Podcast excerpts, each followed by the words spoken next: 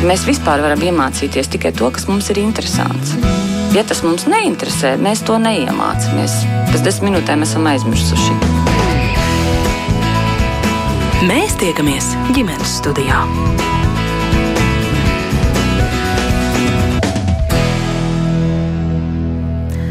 Labdien, rādījums ģimenes studija sāk savu skanējumu, jūs sveicināta producenta Liene Vimba un es Saknes Linka. Un šodien ģimenes studijā mēs gribam runāt par skolas lietām, par vecāku atbalstu bērnu mācībās un par to, cik liela iesaista no mūsu puses ir tāda adekvāta, nepieciešama un veselīga, cik daudz ir par daudz, un arī par uh, privātskolotāju palīdzības meklēšanu un izmantošanu mācību procesā. Par to šodien ģimenes studijā sarunas dalībnieces būs Jūglas vidusskolas matemātikas matemātikas skolotāja Marina Āncāne. Labdien! Labdien! Arī Ziemeļvalsts ģimnāzijas ķīmijas un dabas zinības skolotāja Vēsma Sūna šodien kopā ar mums ģimenes studijā sveicināti. Labdien! Un pedagoģi, kas pasniedz privātstundas matemātikā, Egija Vrubļevska pievienojas mums eh, telefoniski. Labdien, Egija! Labdien! Dzirdat mūsu brīnišķīgi. Nu, jā, diemžēl eh, redzījuma iesākumā teikšu, ka izglītības zinātnes ministrija, pie kā arī vērsāmies ar vairāk kārtējiem lūgumiem piedalīties šai sarunā, laiku un iespēju tam neatrada, nesniedza mums viedokli šajā jautājumā un tematikā ne telefoniski, ne ierakstā, tāpēc mēs neuzzināsim, kāda ir tā ministrijas pozīcija un vīzija šai tematikā, nedz arī to vai nozari pāraugošo ministriju vispār interesē dati, nu, cik, piemēram, privāti skolotāji darbojas Latvijā, vai informācija par to kaut kā tiek vākta, un cik tad ir tādu ģimeņu un vecāku, kas algo saviem bērniem kādu palīdzību mācībās no malas, kādi tam ir um, iemesli. Taču Kā alaži jūs klausītāji esat laipni aicināti pievienoties mums šai sarunā, ja ir kas eh, sakāms, mēs gaidīsim jūsu komentārus, kā vienmēr arī viedokļus, pieredzes vai kādus jautājumus rakstiet ģimenes studijā no Latvijas radio mājaslaps, ja tāda jums ir. Pastāstiet, vai jūs palīdzat paši saviem bērniem mācībās, vai varbūt eh, meklējat palīdzību no malas, ja jā, tad kādos mācību priekšmetos un kāpēc. Eh, bet eh, sākšu ar jautājumu šeit studijā klātesošajām eh, viešņām. Kāds ir tas jūsu viedoklis un redzējums, cik daudz un kādā vecumā vecākiem pašiem būtu jāpalīdz saviem bērniem mācību procesā. Nu, jāasistē, piemēram, mājas darbu pildīšanā, jāuzrauga tie vai kā tam līdzīgi jāiesaistās. Kā jūs teiktu, Marina? Man, man liekas, ka Nu, svarīgākais posms tā ir pati sākuma skola, pirmā, otrā klasīte, kad vecākam ir jāiemāca savam bērnam mācīties, jo to nevar izdarīt tikai skola, jo tas ir ļoti atkarīgs arī no, no ģimenes, no vecāku iesaistes. Kā, kā tas ir jāiemāc mācīties? Kā to vispār var izdarīt? Tieši nu, no vecāka puses, kas būtu varbūt tie akcenti.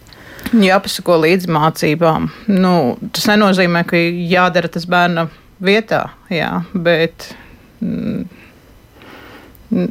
Nu jā, jā, jā, jāpasako līdzi, vai tie mājas darbi ir izpildīti, vai, vai viss ir skaidrs, vai kaut kas nav skaidrs. Un tādā veidā, nu, un, protams, tas ir atkarīgs arī no, no katra bērna. No tām spējām, un, un, un cik viņš ātri spēj būt patstāvīgs. Jā, jā.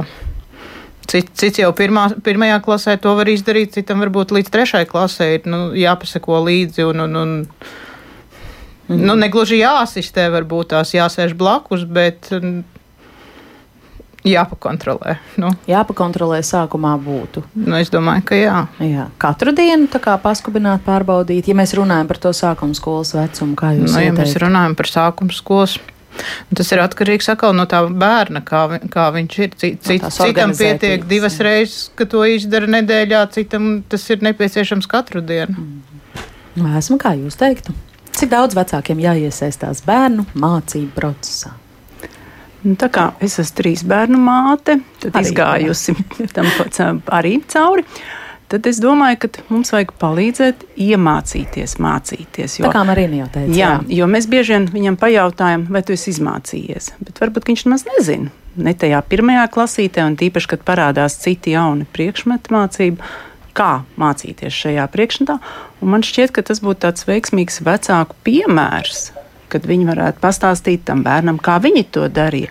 Protams, ne visiem bērniem tas arī derēs, jo bērni, vismaz manējie trīs, katrs ir savādāks. Līdz ar to arī šeit jūs varat pateikt, piedāvāt un tad skatīties, vai bērnam izdodas. Vai, piemēram, viņam vajag visu vēlreiz izlasīt, vai vajag pierakstīt svarīgāko, atpazīt šos atslēgas vārdus, kas jāuztver tajā stundā. Mm. Nu, ja jūs tam pieskārāties, tad es atļaušos uh, lūgt jūs arī padalīties kā ar māmas pieredzi. Kāda tad ir tā atšķirība? Jūs teicāt, bērni katrs ir uh, citādāks bijuši. Cik daudz jūs esat iesaistījusies viņu mm, mācībās?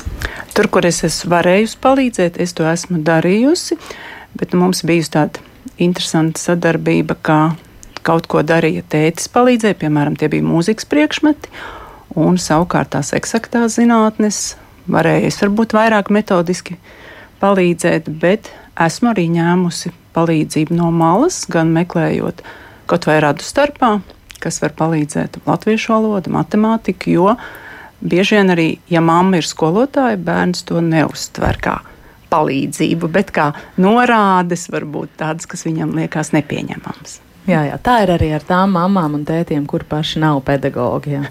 Cik ilgi tas uh, ir pieņemami jūsuprāt? Visa veida palīdzēšana. Visās 12 klasēs, 9 klašu garumā. Es domāju, ja skolēns lūdz palīdzību, tad ir jāmeklē. Un man pat liekas, ka tad būs labāks rezultāts, kad bērns pats jutīs to vajadzību, ka viņam jāpalīdz. Vai tās būs konsultācijas skolā, vai tā būs palīdzība tikai mājas ietvaros. Varbūt lielākie brāļi un māsas var ļoti veiksmīgi, jo viņi to atcerās ar mazāku laika intervālu. Tad nesen to ir izbaudījuši, bet noteikti palīdzība jāsniedz. Mm -hmm. Visos vecumos. Visos, arī studentiem. Mm, Egija, gribu arī jums jautāt, kāds jūsu kā pedagoga viedoklis, cik lielā mērā vecākiem būtu jāiesaistās bērnu mm, ikdienas mācību procesā? Um, es vairāk domāju, ka līdz studijām gan nevajadzētu palīdzēt, bet pats sākums ir ielikt to pašu pamatiņu. Man arī ir divi mazi bērni. Vienai ir trīs gadi, otram ir seši gadi. Un mēs arī jau no trīs gadiem mācāmies ir uzdevumi uzdoti, un bērnam mācīt to, ka viņš var pajautāt vecākiem vai skolotājiem, bet ka viņam ir vairāk pašvadītā mācība. Es, ka, mm, es, es personīgi neuzskatu, ka vecākiem būtu liel, nu, līdz 9. vai 12. klasē jāpalīdz bērniem, jo pilnīgi viss tiek piedāvāts uh, skolēniem, ka viņi var visu mācīties patstāvīgi. Ja pats vecāks grib iesaistīties uh, skolas mācību procesā, nu, to nevar aizliegt, bet manuprāt, tas rada to tieši tā kā varbūt bija pat neveselīgu to skatu punktu, ka reku māma, ja kas izdarīs, mammai var palīdzēt. Un tajā pašā laikā paši vecāki sūdzās, bet man jādara bērnu vietā. Un tad no pašas bērnības sākam, ka tev ir mājas darbi, ja tev vajag palīdzību, tu pienāc, es tev varu palīdzēt, izskaidrot, bet ar citiem piemēriem, un tad tālāk bērns pats mācās. Un otrs, ko es arī piekrītu iepriekš minētajam, ka jārāda arī ar savu pieredzi. Tas pats arī es un mans vīrs. Katru dienu mēs mācāmies. Mēs rādām, ka mācāmies valodas, piemēram, spāņu valodu vai kaut kādus kursus. Bērni redz, ka jebkurā vecuma posmā ir labi mācīties, un tas ir tikai kaut kāds ieguvums. Nevis, ka tie ir kādi mājas darbi vai skolā uzdoties. Kaut kā tā, nu kā ar bērnību jāsāk un ka bērnam jāiemācās tie pamati. Jo, piemēram, man personīgi vecāki nekad nepalīdzēja, ne, neprasīja izpildīt mājas darbu. Tas bija mans pienākums, kas man bija jāizdara un pašai jāzina, ka man ir mājas darbi, kuri jāizpilda. Nu jā, visi jau nekad nav vienādi apzinīgi vai vienādi pašdisciplinēti, vai ne? Protams, noteikti. Jā, noteikti. Jā. Baiba mūsu klausītāji mūs uzreiz eh, rosina, jau iesaistoties šajā sarunā, uh, padiskutēt par, tie, par to, ko tad nozīmē iemācīt mācīties. Viņa saka, ka tas nav pakontrolēt, vai viņš ir izpildījis mājas darbus. Iemācīt mācīties nozīmē saprast metodes, kā apgūt vielu, ar kādām metodēm vai paņēmieniem, piemēram, apgūt svešvalodas vārdiņus vai kā apgūt reizrēķinu un tam līdzīgi. Šim varat piekrist? Noteikti. Mm -hmm. Es, piemēram, dzējoļus kādreiz mācījos izdziedot ar visu to, ka nesu ar muzikālu talantu. Bet man likās, ka tad es labāk atceros. Esmu redzējis, ka vārdiņus mācās rakstot uz lapiņām no vienas puses, vienu terminu, no otras puses otru. Šobrīd es domāju, ka arī YouTube ir veiksmīgi materiāli, kā var interaktīvi iemācīties, spēlējoties un sasniegt ļoti labu rezultātu. Mm. Marina, par šo varbūt par metodēm. Iemācīt, mācīties. Nu, jā, iemācīt, mācīties nozīmē arī mācīt.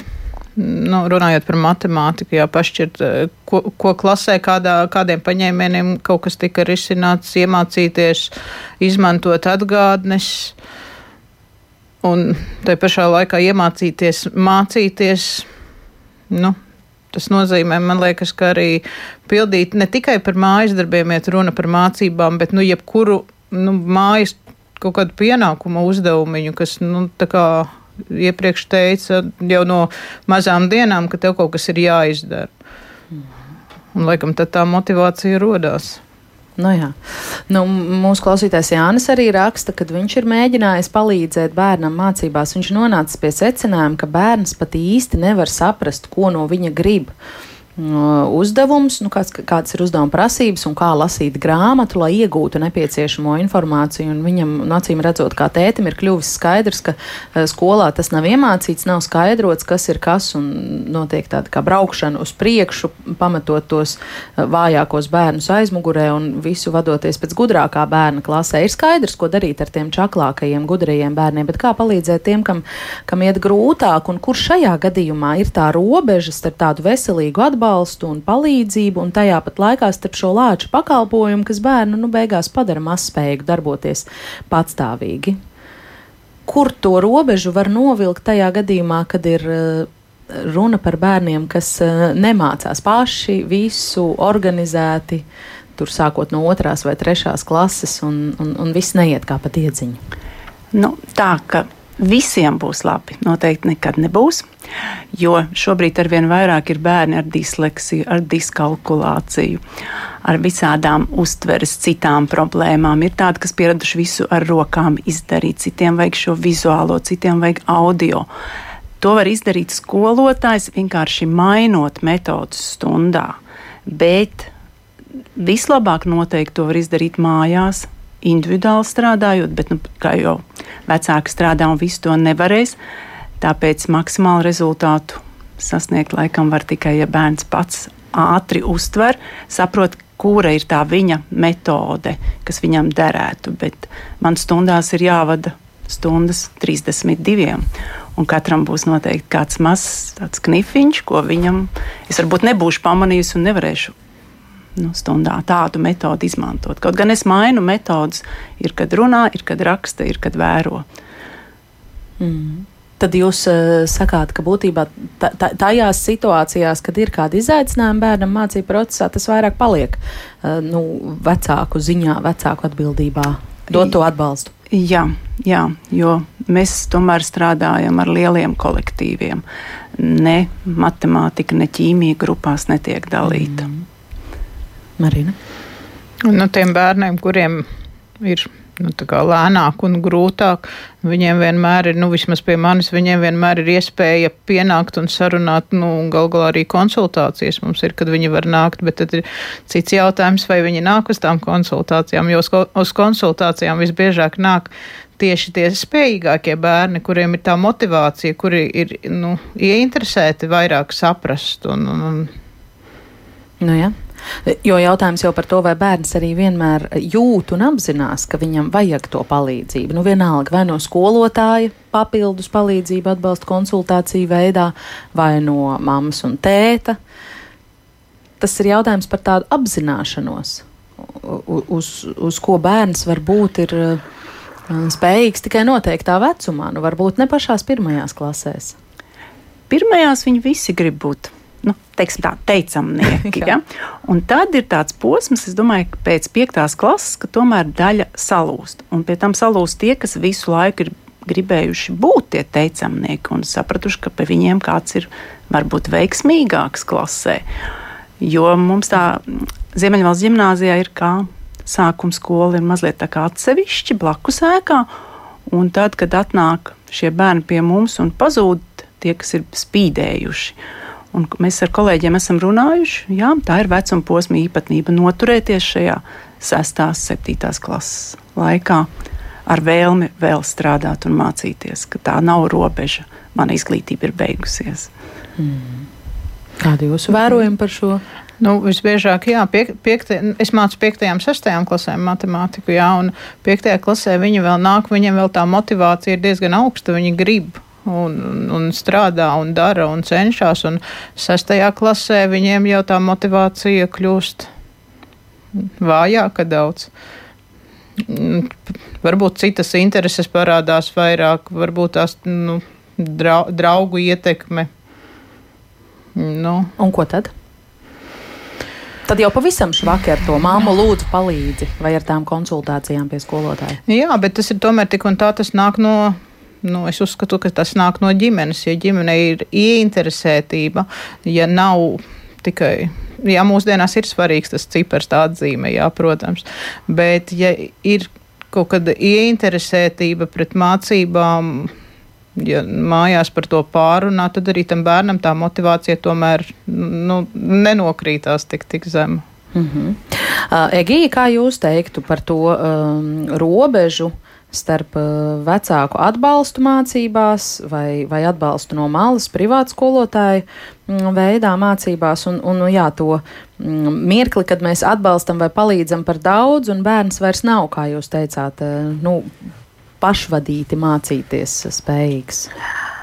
Uh, jā, es vēlējos arī paturpināt par to iemācīt bērnam mācīties.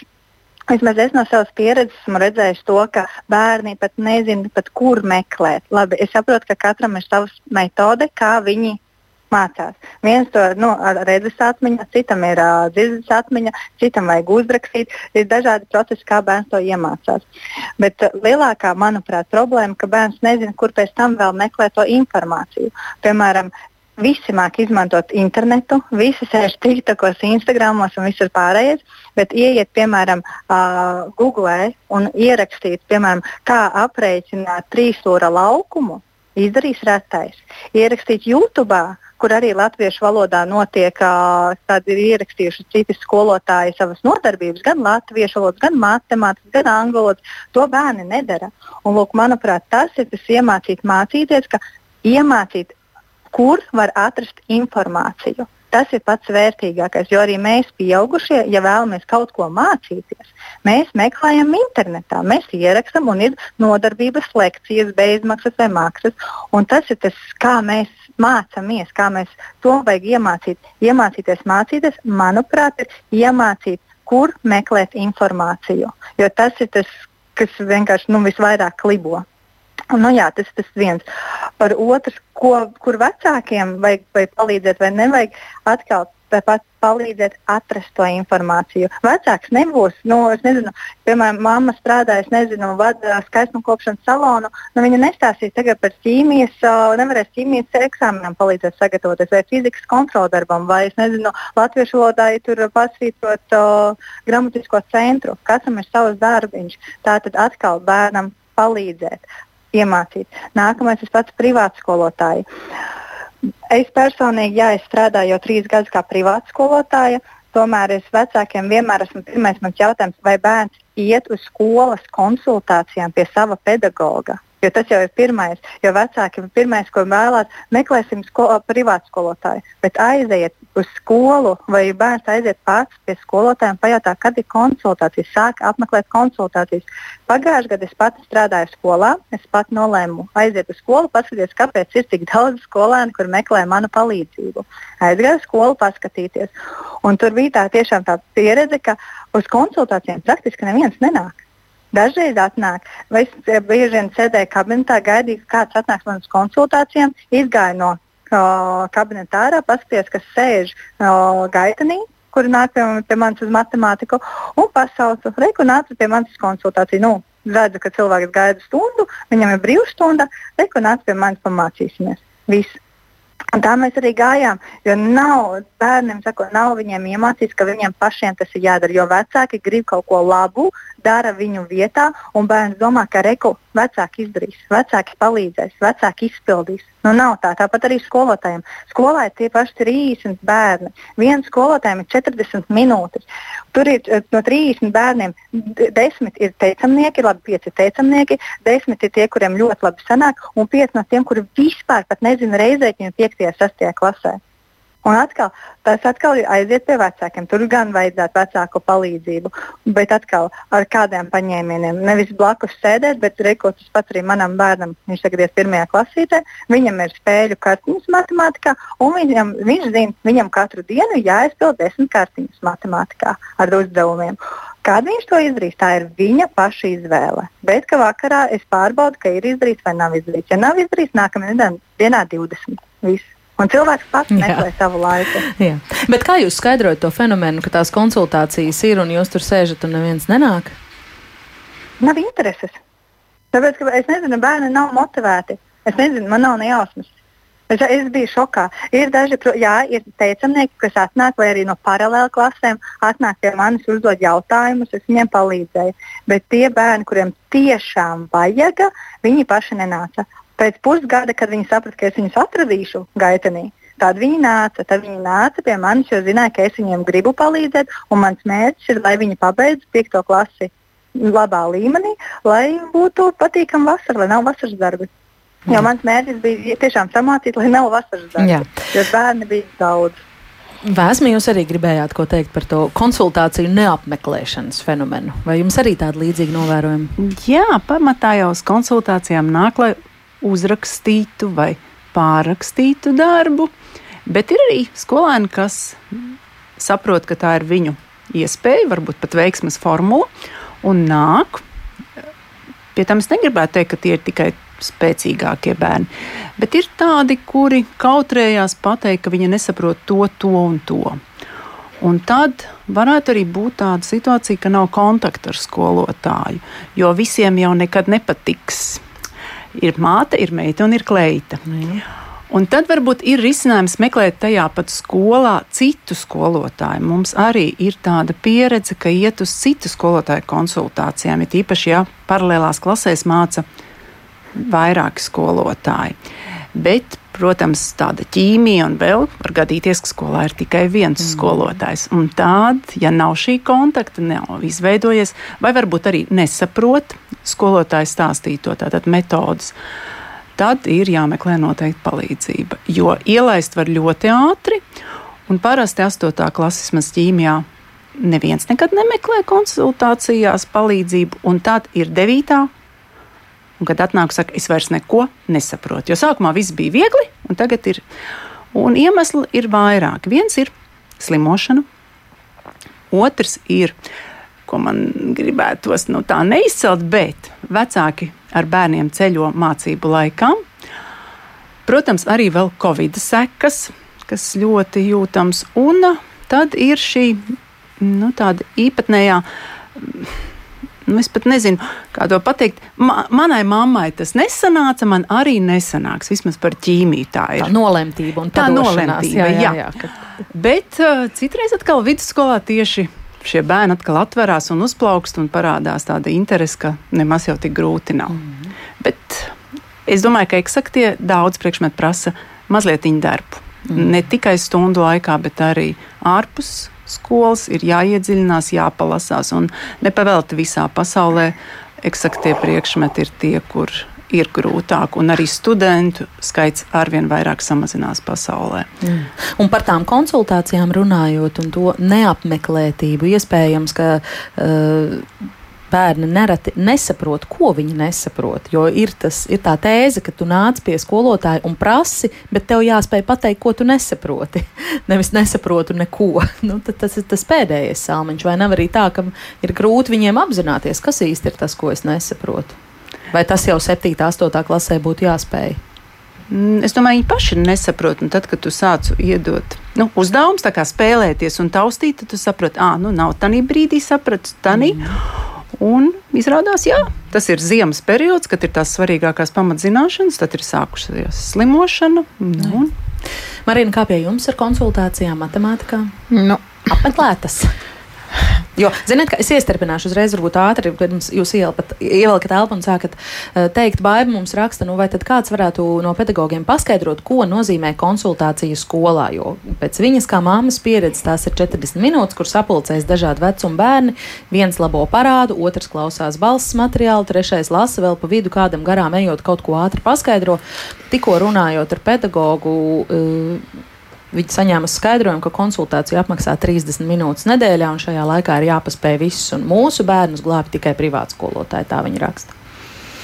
Nu, runājot par konsultācijām, tad, kad ja es stundā redzu, kad ir bērns, kuram nu, tiešām viņš, viņš nesaprot no tā mācī, mācīto vielu, jā, to var nu, redzēt. Nu, Bet pildot uzdevumus un skatoties viņa darba stundā, protams, ka to var redzēt.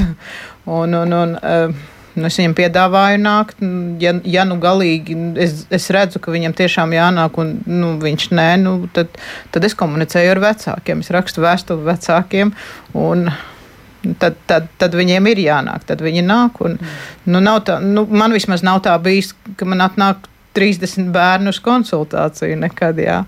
Un, Un man tās konsultācijas ir nu, sadalītas nu, tā, lai vienu dienu nāk sestie, tad, tad, tad piektie, nu, lai nebūtu tā, ka viņi visi kopā, tad tiešām nevar paskaidrot. Un... Nu, jā. Nav tā, kā raksta Kaspars. No pieredzes atceros, ka konsultācija ir darbu labošanai. Tikai tā arī.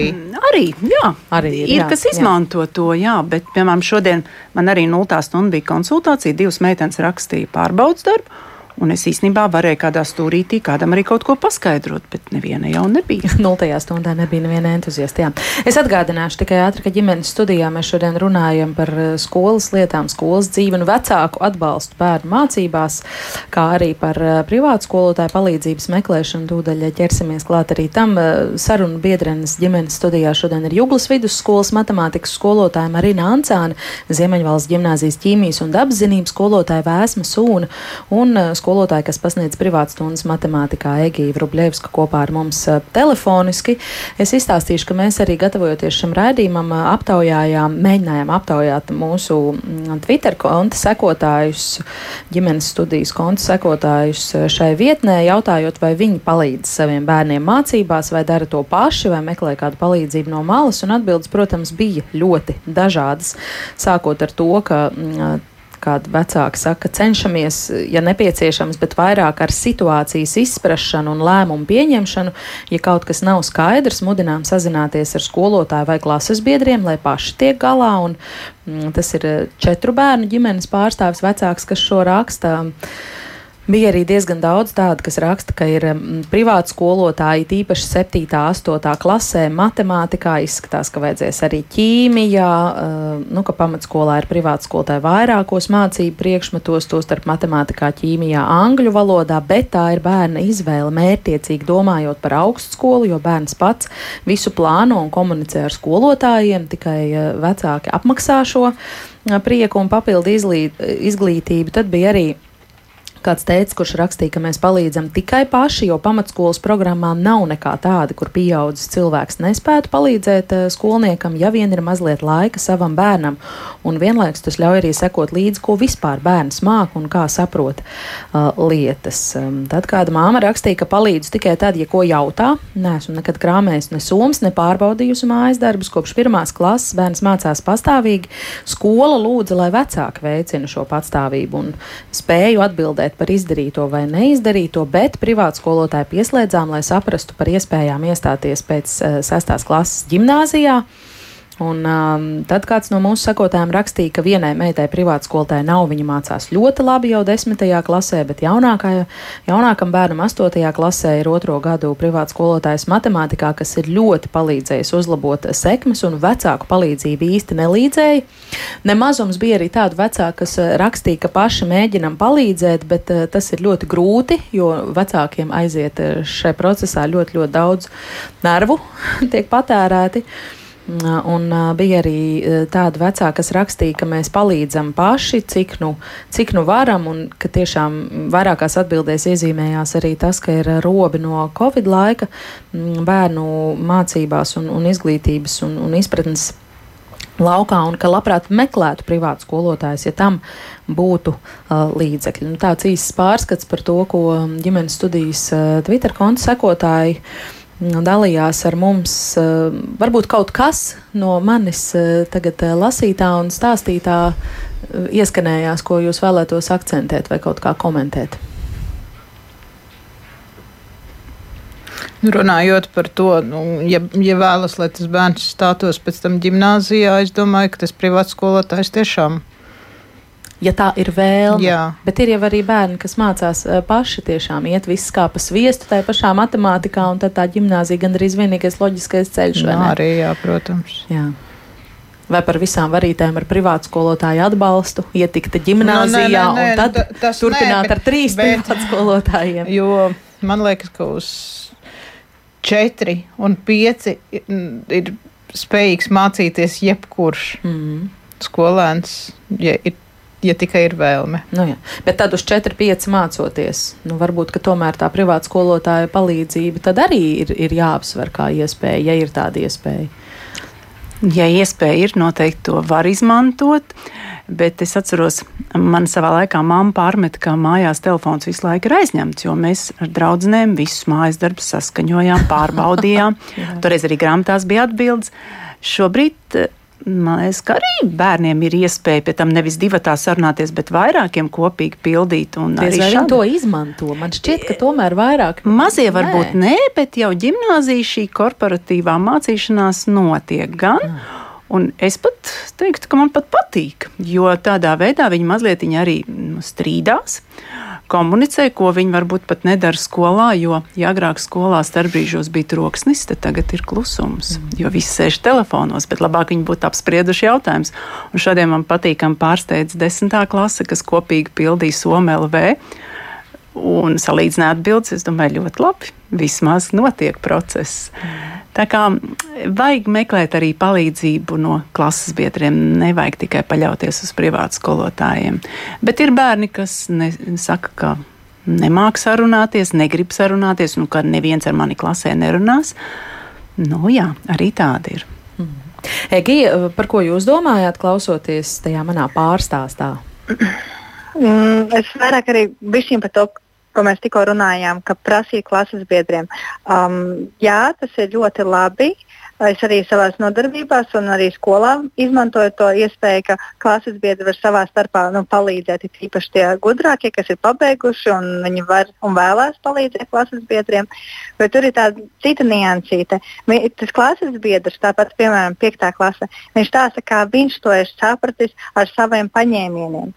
Un tas otrs cilvēks var censties, cik grib. Bet viņš neustvers. Tāpēc arī ir tie dažādi paņēmieni, kā māca. Tāpēc, ja tu prasi tikai klases biedram, es teiktu īsti nē. Es tu vari paklausīties kā viedokli un pēc tam censies pats izfunktierēt, kā to dabūja gatavo. Uh, tas pats arī skolā, tie paši, jā, burvīgi, ka viņi salīdzina ka atbildes, ka viņi ir diskutē un vēl kaut kas. Bet to dara diezgan maz. Jo cik es runāju arī ar kolēģiem, ja piemēram man kontroldarbs ir viens un tas pats visās paralēli klasēs, piemēram, četrās. Tikai daži būs savā starpā parunājuši, kas bija tajā kontroldarbā, a citi pat nebūs iedomājušies. Kā uzjautāja klases biedram, kas bija tajā darbā, ja skolotājs ir viens. Par tiem pašiem privātu skolotājiem es pati personīgi bērnam uh, esmu noalgojusi privātu skolotāju tajā pašā angļu valodā, jo es zinu, ka man tas ir vajadzīgs, lai viņš to mācās. Jo es uz vispār siste, skolas sistēmai uzskatu, ka tas ir pats pamats, ko bērnam iemāca, lai viņš varētu eksistēt, dzīvot un darboties. Bet, ja vecāki vai bērni grib kaut ko vairāk, ir jādod papildus, jo skolā iedod pašu pamatu. Jo atkal viens skolotājs nevar iemācīt 30 bērniem uh, visiem labā līmenī. Tas, kurš ātri uztver forši, viņš iet uz priekšu. Tas, kuram vajag vairāk laiku, vai meklē papildus palīdzību internetā, vai pie konsultācijas, vai privāts skolotājs. Bet, nu, ir, ja vēlamies papildu, labāku izglītību bērnam, ir jābūt papildus nodarbībām.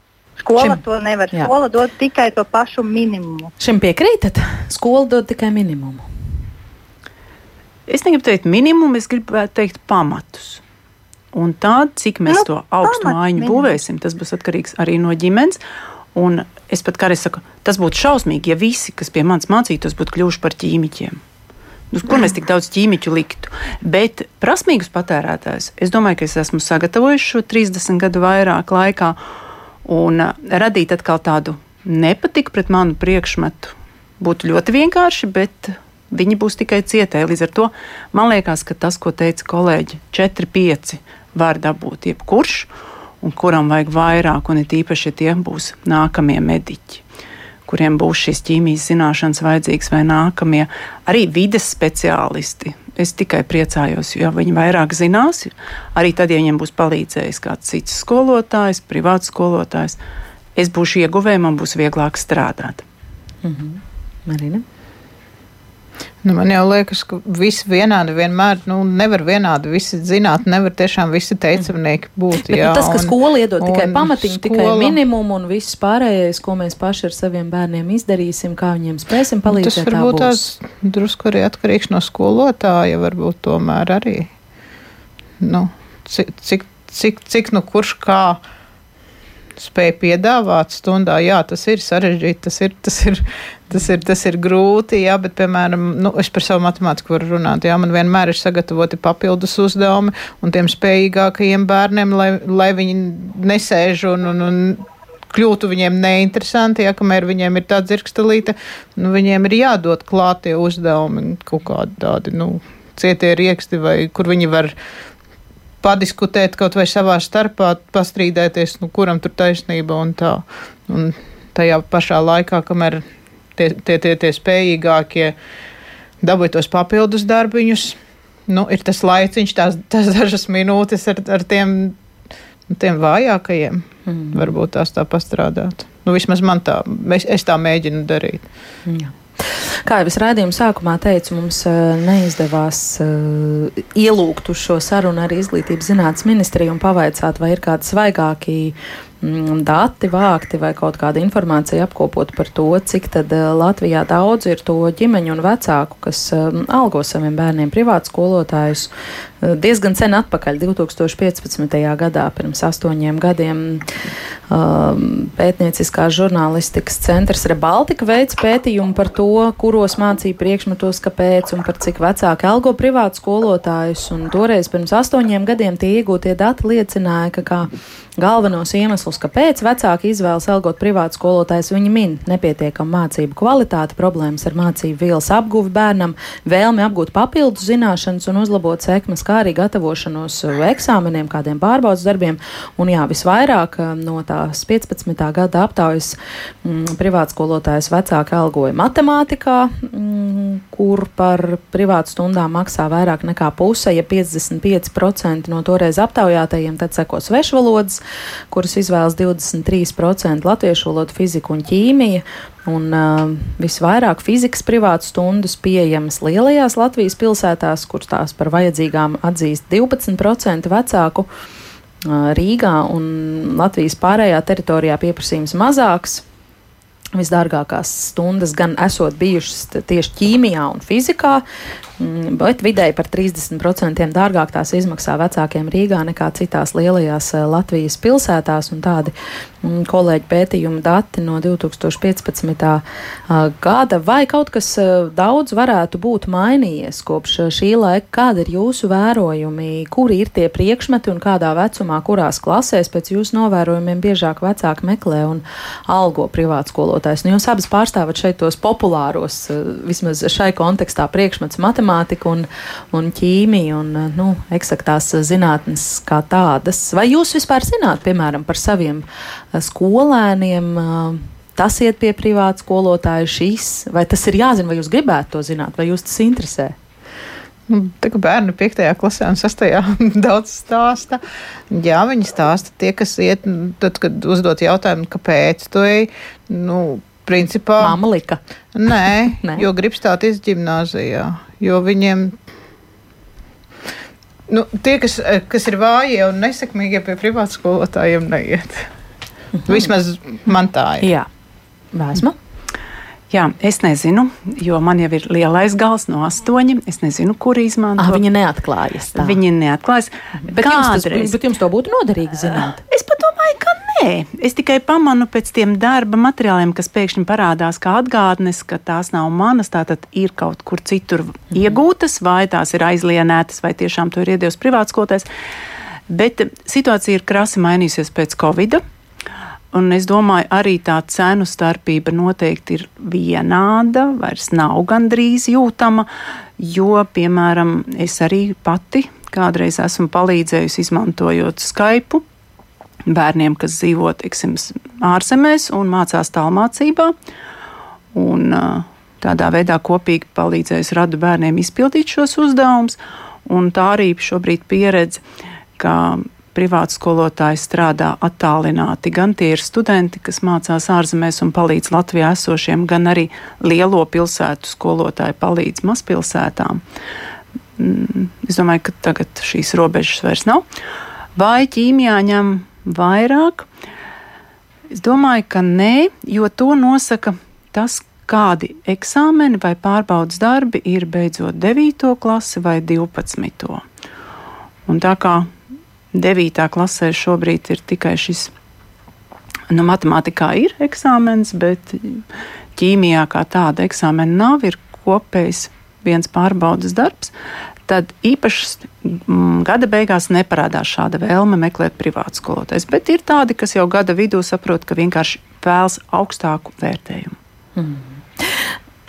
Egija, vaicāšu arī jums, kas ir jūsu privāta skolnieki? Es saprotu, ka jūs diezgan plašā amplitūdā mācāt gan, gan, gan jaunākā vecuma bērnus, gan arī līdz pat uh, vidusskolas vecumam. Vai pie jums vēršas tie, kam ir grūti, kam ir uh, sarežģīti apgūt matemātiku, vai tie, kas grib no, no 9,5 balēm mācīties uz desmitniekiem? Um, es mācu no sešiem gadiem līdz devītajai klasē, ieskaitot vidusskolu. Es vairs nepiedāvāju. Man tagad ir sākuma skola, pamatskola.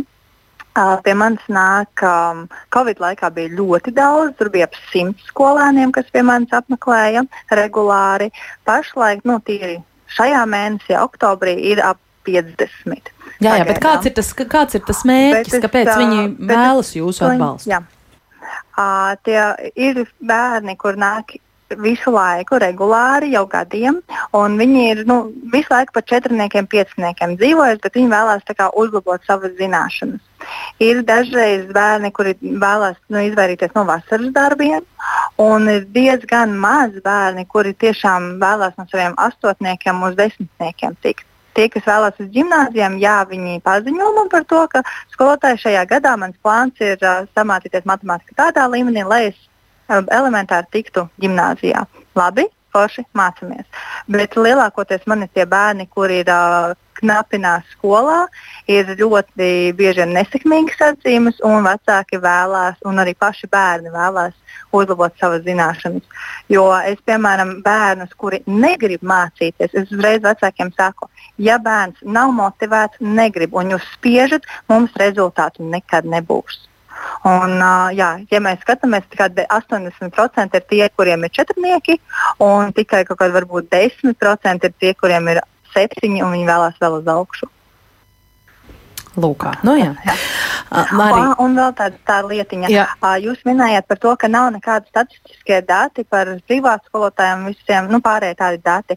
Uh, ir dati, piemēram, par to, cik daudz privātu skolotāju vai cik daudz uh, ir saņēmuši privātu skolotāju statusu vai licences, kuri drīkst pasniegt uh, stundas un uh, kā, kā privātu skolotāji.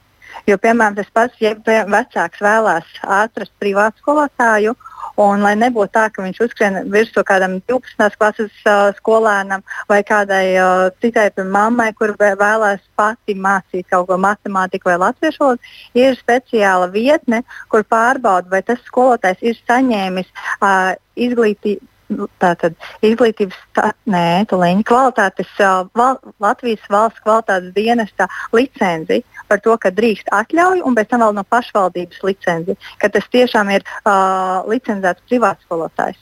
Nu, jā.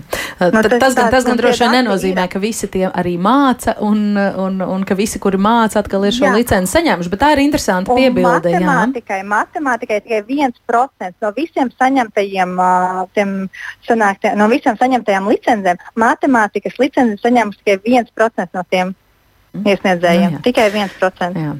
Šie arī interesanti dati. Paldies par tiem. Šobrīd laiks rit uz priekšu diezgan strauji, un mums ir laiks piepulcināt šeit vēl kādu runātāju.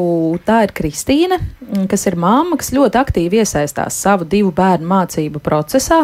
Viņas meita šobrīd mācās trešajā klasē un dēls piektajā, taču katram no bērniem ir nepieciešams cita apjoma māmas atbalsts mācībās, un Kristīne padalīsies ar savu pieredzi, kā viņa to saviem bērniem sniedz.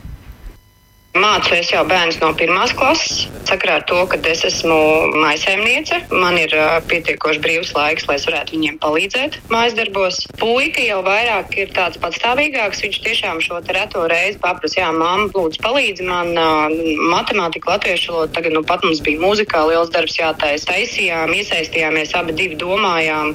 Nu, viņam ir tāds, ka viņš pats izpilda, un tad, ja ir kāds jautājums, tad es viņam palīdzu. Bet ar manu meitu ir mazliet sarežģīti sarežģītāk.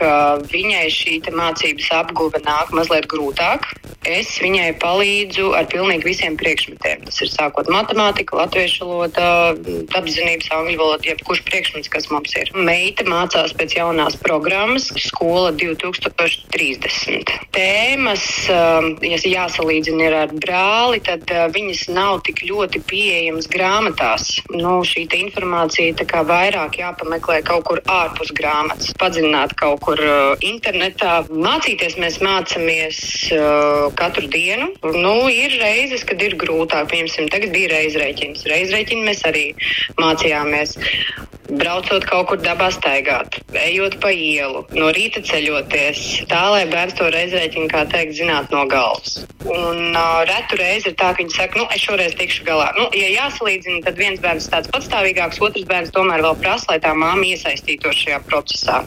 Esat kādreiz mēģinājuši šos grožus pavisam palaist vaļā? Jā, esmu, bet tad iebraucam beigās auzās. Nē, es noteikti es uzticos saviem bērniem mācību procesā viennozīmīgi, bet ir tā, ka tomēr gribas palīdzēt, ja es esmu mājās, kāpēc man nepalīdzēt? Es viņai varbūt vieglāk to izskaidroju, viņa vieglāk to izprot, uzdod man vēl kaut kādus kā, vairāk jautājumus saistībā ar šo tēmu. Manuprāt, tas nav grūti. Šīs divas, trīs stundas mācību procesā mājās, nu, ir īpaši ņemot vērā to, ka man nav darbs, es varu palīdzēt. Man tas nesagādā problēmas. Jums ir arī privāti skolotāji kādos priekšmetos bērniem?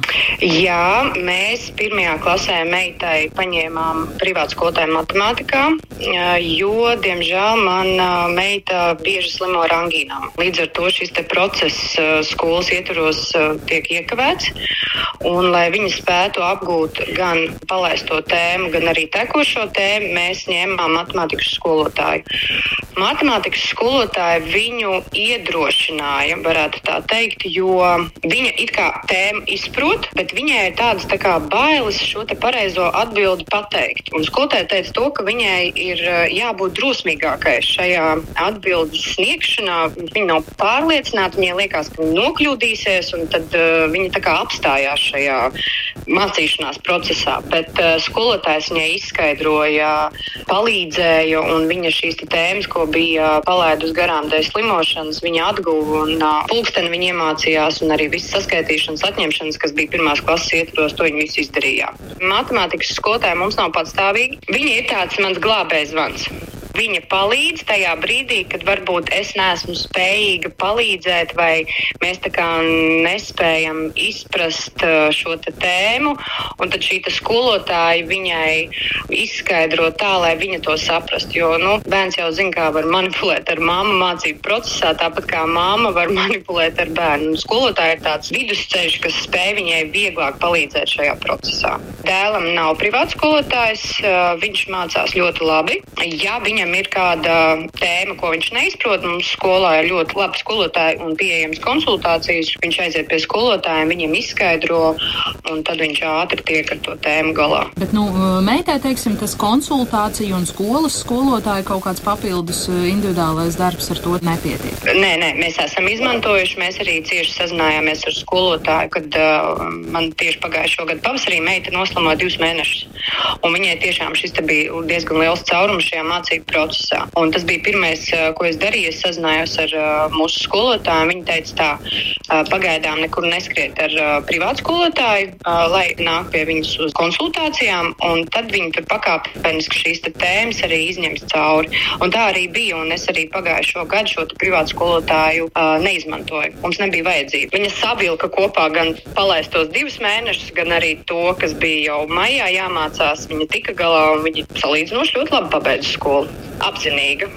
kaut kā, es nezinu, man tā saikne tieši veidojās ar savu bērnu, kad es viņam palīdzu. Mēs daudz vairāk izrunājam, mācāmies, paķiķinam, varbūt kādā matemātikas priekšmetā. Tad tā tas process kaut kā mums iet vieglāk. Bet tas, laikam, ir mums iegājies jau kā bērns sāk mācīties. Tas ir rituāls. Tad nākam mājās, ir brīvais brīdis, piesēžamies pie mācībām, mēs izmācāmies, un tālāk diena jau ir brīva.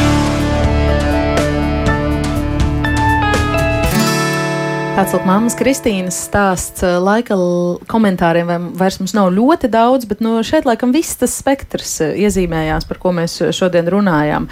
Gan vecāku atbalsts, gan skola, kas piedāvā konsultācijas, kas arī rezultējās sekmīgos rezultātos mācību sasniegumos. Privāta skolotāja palīdzība, ja nepieciešams, kā glābējs vans un beig beigās mammas atziņa, ka tā palīdzība mācībās arī ir saiknes veidošana ar bērnu.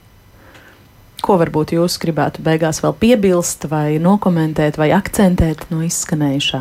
Es domāju, ka šī ir supermama, kas var palīdzēt, un bērni nāks pēc palīdzības arī citās dzīves situācijās.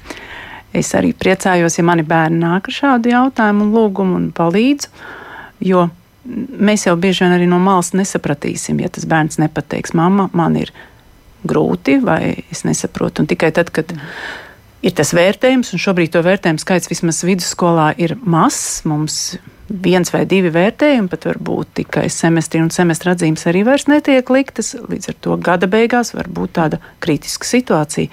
Bērns nerunā par mācīšanos, nerunā ne ar skolotāju, un, mājās arī to nestāsta. Tad ir tā, ka vidusskola nav obligāta un var gadīties, ka būs jāpamet. Mm. Marina, kādas varbūt īsas pārdomas par dzirdēto? No, nu, es domāju, atslēgas vārds tam visam ir sadarbība. Sadarbība vecākiem ar bērniem, bērniem ar vecākiem, vecākiem ar skolu, skolai ar vecākiem, ar bērniem. Nu, tā ir vienkārši sadarbība. Mm. Egija? Jā, es pilnīgi piekrītu par to vārdu sadarbība, ka tā ir savstarpēja sadarbība. Tas pats arī skolotājs var palīdzēt ar nu, bērniem, un bērniem ir jāsaprot, jāprot pajautāt gan vecākiem, gan uh, skolotājiem palīdzību. Un tas privāts skolotājs, es arī pilnīgi piekrītu, tas ir kā glābējs vans, ka tu palīdzi, ja ir uh, tomēr kā uzticības persona, ar ko vieglāk var palīdzēt skolas gaitā.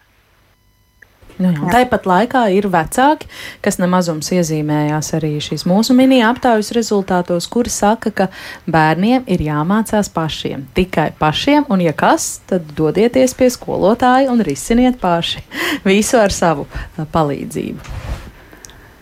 Nu, es varbūt arī kļuvu par ķīmijas skolotāju. Pilnīgi nejauši, kaut gan man arī skolas laikā gāja grūti ar ķīmiju, un vecāki mani sameklēja privātu skolotāju. Tas bija tik interesanti un tik aizraujoši, ka es izvēlējos studēt ķīmiju un pilnīgi netīšām arī nokļuvu skolā. Lūk, arī tāda stāsta gadās dzīvē. Paldies, ka ar tiem dalījāties. Šodien ģimenes eh, studijā sarunājos ar Juglas vidusskolas matemātikas skolotāju Marīnu Ancānu, Ziemeļvalsts ģimnāzijas ķīmijas un dabaszinības skolotāju Vēsmu Sūnu un telefoniski ar mums kopā bija arī pedagoģi, kas pasniedz privātstundas matemātikā Egīva Rubļevska un rādījumu šodien veidoja Liena Vīmba, Rīta Karnača pie skaņu pulces, Agnes Linka pie mikrofona. Kā ielikt pamatus veselīgai attieksmē pret savu ķermeni jau bērnam mazam esot, kāpēc ir svarīgi mācīt pareizi nosaukt visas, arī to starp intīmās sava ķermeņa daļas, un mm, kāpēc kauna sajūta nav labs sabiedrotais eh, šajā veselīgas ķermeņa pašapziņas veidošanā. Par to runāsim ģimenes studijā rīt, kā vienmēr no diviem līdz trījiem. Klausieties mūs arī podkāstos Latvijas radio mobilajā lietotnē un sekojiet ģimenes studijai sociālos tīklos uz sadzirdēšanos.